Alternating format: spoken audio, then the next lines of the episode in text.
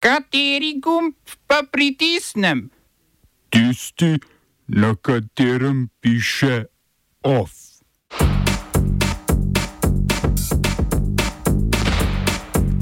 Svet RTV sprejel okleščen programsko-produkcijski načrt. Parlament po vetu državnega sveta potrdil interventni zdravstveni zakon. Angola izstopila iz naftnega kartela OPEC. Japonska za oboroževanje Ukrajine sprostila omejitve izvoza orožja. V kulturnem obzorniku pitje čaja v Nigru.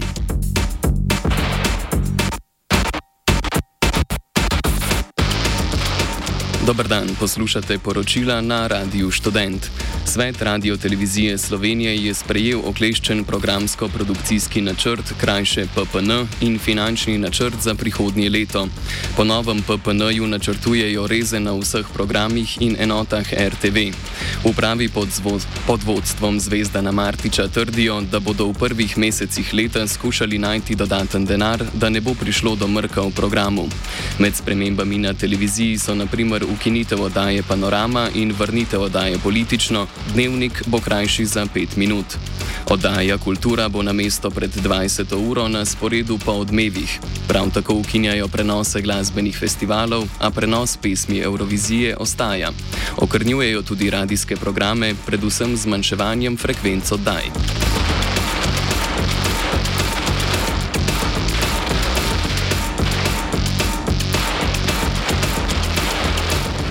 Do sprejetega PPN-ja sta kritična koordinacija novinarskih sindikatov RTV in sindikat novinarjev Slovenije, ki vodstvu očitata nepredvidljivo tvegan poseg v izvajanje javne službe zavoda. V skupni izjavi organizaciji trdita, da programsko-produkcijski načrt ni usklajen s finančnim. Oba pa v drugi polovici leta predvidevata izrazito krčenje programov. O dokumentih niso bili soglasni niti v upravi. Od štirih članov uprave sta bila proti sprejetim načrtom Simon Kardu. Nekdani direktor Kina Šiška in Franci Paušer, delovski direktor, predtem športni novinar. Kardum je opozoril, da finančni načrt ne zajema uskladitve plač z inflacijo, kar bi po njegovem stalo okrog 2 milijona evrov.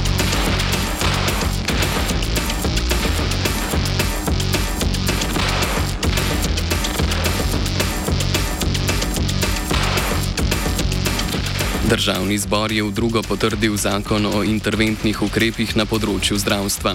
Z 51 glasovi za in 21 proti so poslanci vladajoče koalicije zakon morali ponovno potrditi zaradi veta državnega sveta.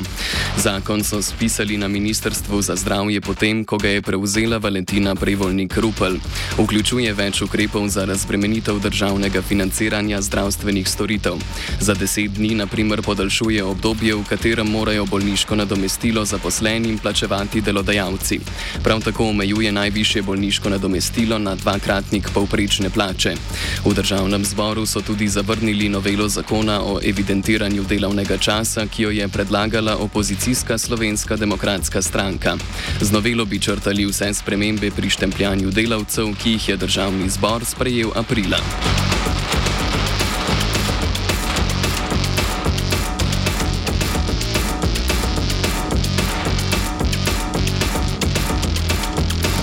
Mestni svet občine Maribor je na ponovnem odločanju izglasoval prenos ustanoviteljskih pravic javnega holdinga Maribor na mestni svet.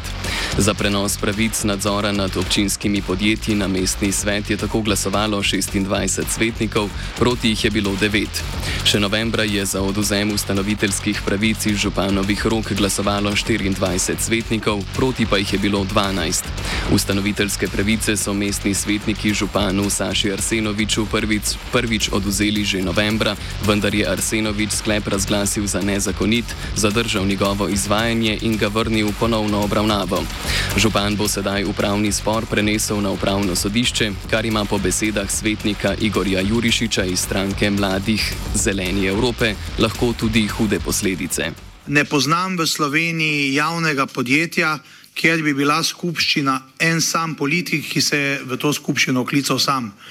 Ne poznam. Ne, ne znam si predstavljati, kako bi bilo, če bi naprimer Janes Janša sam sebe oklical ali pa Golob sam sebe oklical za, eh, za eh, skupščino eh, državnega holdinga in tako naprej. Eh, torej, eh, ko, ka, če pa govorimo o zakonu, pa, eh, pa zakon eh, v 33. členu, enako pa sta tudi v 36. členu določa, da župan zadrži objavo splošnega akta, če meni, da je neustaven ali nezakonit in potem to preverja na ustavnem sodišču. Zdaj, ko bo enkrat objavljen, zaradi mene, vi lahko greste tudi na pravno sodišče. Mislim, da se, če bi, se, če bi bilo hecno, bi se hecno in bi rekel tudi na veterinarsko inšpekcijo, če želite. E, hočem pa tu nekaj opozoriti, e, pa potem zaključim. Če, bo, e, če bi slučajno, po ne vem kakem čudežu, e, ustavno sodišče ugotovilo, da je skupščina en sam politik, torej župan, potem so vsi sklepi, ki so bili sprejeti na začetku holdinga, nični in s tem župan ogroža obstoj holdinga. Torej, če, bo, če slučajno dokaže svoj prav, kar eh, verjamem, da, da ne bo, potem je holding pa se. Mariborski javni holding je po zgledu Ljubljanskega, v katerem so tri podjetja, pred štirimi leti v svojem prvem mandatu ustanovil Arsenovič. Prek holdinga župan upravlja z devetimi mestnimi podjetji, od energetike, vodovoda, komunale in avtobusov do pogrebnega podjetja, občinskih nepremičnin, urbanističnega zavoda in športnih objektov, kot so kopališča. Po razglasitvi rezultatov glasovanja je Arsenovič, ki v svojem drugem mandatu v mestnem svetu nima zagotovljene večinske podpore, deljal zgolj naslednje. Evo, pa bo kakšna slika za podbožično drevo?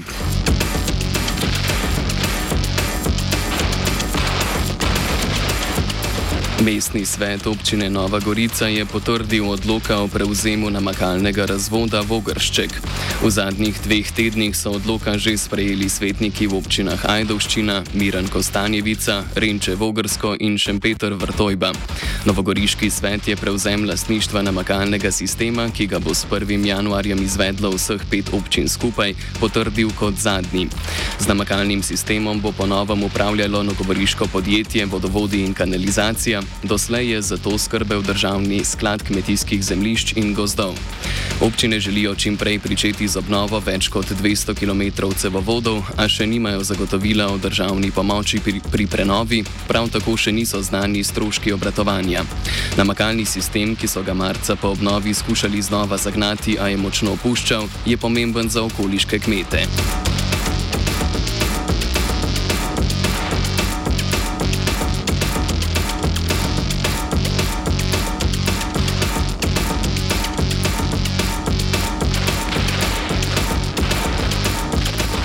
Na tuje. Porota okrožja Pierce v ameriški zvezdni državi Washington je tri policiste iz Takome spoznala za nedolžne vseh obtožb o smrti Manuela Ellisa, temnopoltega moškega, ki so ga med aretacijo leta 2020 zadušili. Policista Matthew Collins in Christopher Burbank, oba belca, je toživstvo obtožilo umora druge stopnje in uboja, Timoteja Renkina pa uboja. Na videoposnetku je razvidno, da sta policista Ellisa udarila, eden ga je prijel za vrat, drugi pa ga je trikrat stresel z električnim paralizatorjem. Na to so ga policisti ukleščili v ležeč položaj. Zdravstvena izvedenca sta ugotovila, da je Ellis umrl zaradi pomankanja kisika, kar je bila, bilo posledica grobega pripora. Odvetniki policistov pa so opozarjali na kredibilnost videoposnetkov, ki naj po njihovem mnenju ne bi prikazali pričetka same aretacije. Med drugim so se odvetniki sklicevali na nadnaravno moč Ellisa, ki naj bi zahtevala ostrejše prijeme. Policisti so trdili, da je imel Ellis v telesu me, me, metaf. Metamfetamin, čež da je to povzročilo nepravilnosti v delovanju njegovega srca.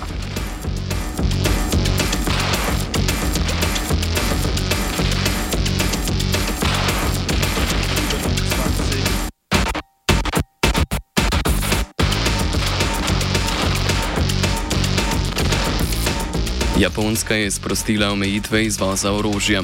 Odločitev, komu in katero orožje bo Japonska izvažala, bo Japonski varnostni svet sprejemal glede na posamezen primer. Sproščanje omejitev bo Japonski omogočilo izvoz sistemov zračne obrambe Patriot Združenim državam Amerike, ki jih bodo na to lahko posredovali Ukrajini. Nov dekret Japonski sicer še vedno ne dopušča izvoza orožja državam, ki so v vojni. Vlada pod vodstvom Fumija Kishide iz liberalno-demokratske stranke je odločitev sprejela zaradi povečanih napetosti v Indo-Pacifiku in z namenom okrepitve japonske vojaške industrije. Japonski parlament je leta 2014 spremenil ustavo, ki je od podvojnega časa prepovedovala kakršenkoli izvoz orožja z otočja.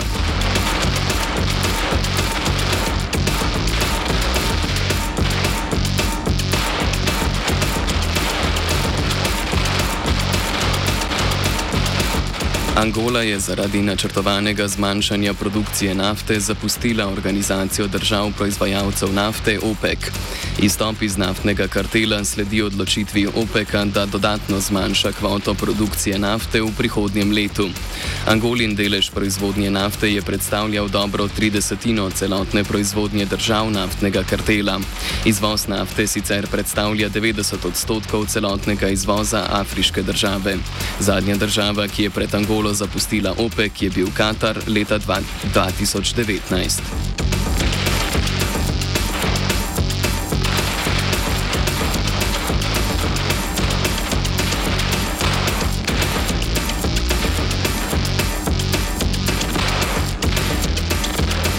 Odbor stalnih predstavnikov, ki deluje znotraj sveta Evropske unije, je pred glasovanjem zavrnil predlog Evropske direktive o regulaciji platformnega dela.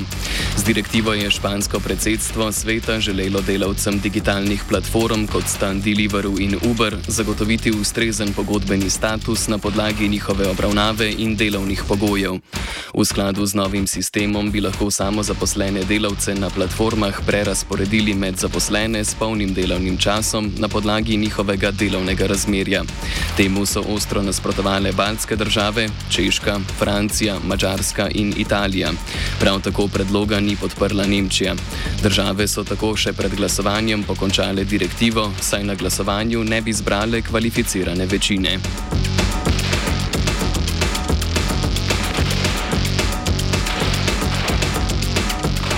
Off sta pripravila vajenca Peter in David, pomagal jima je Tilan.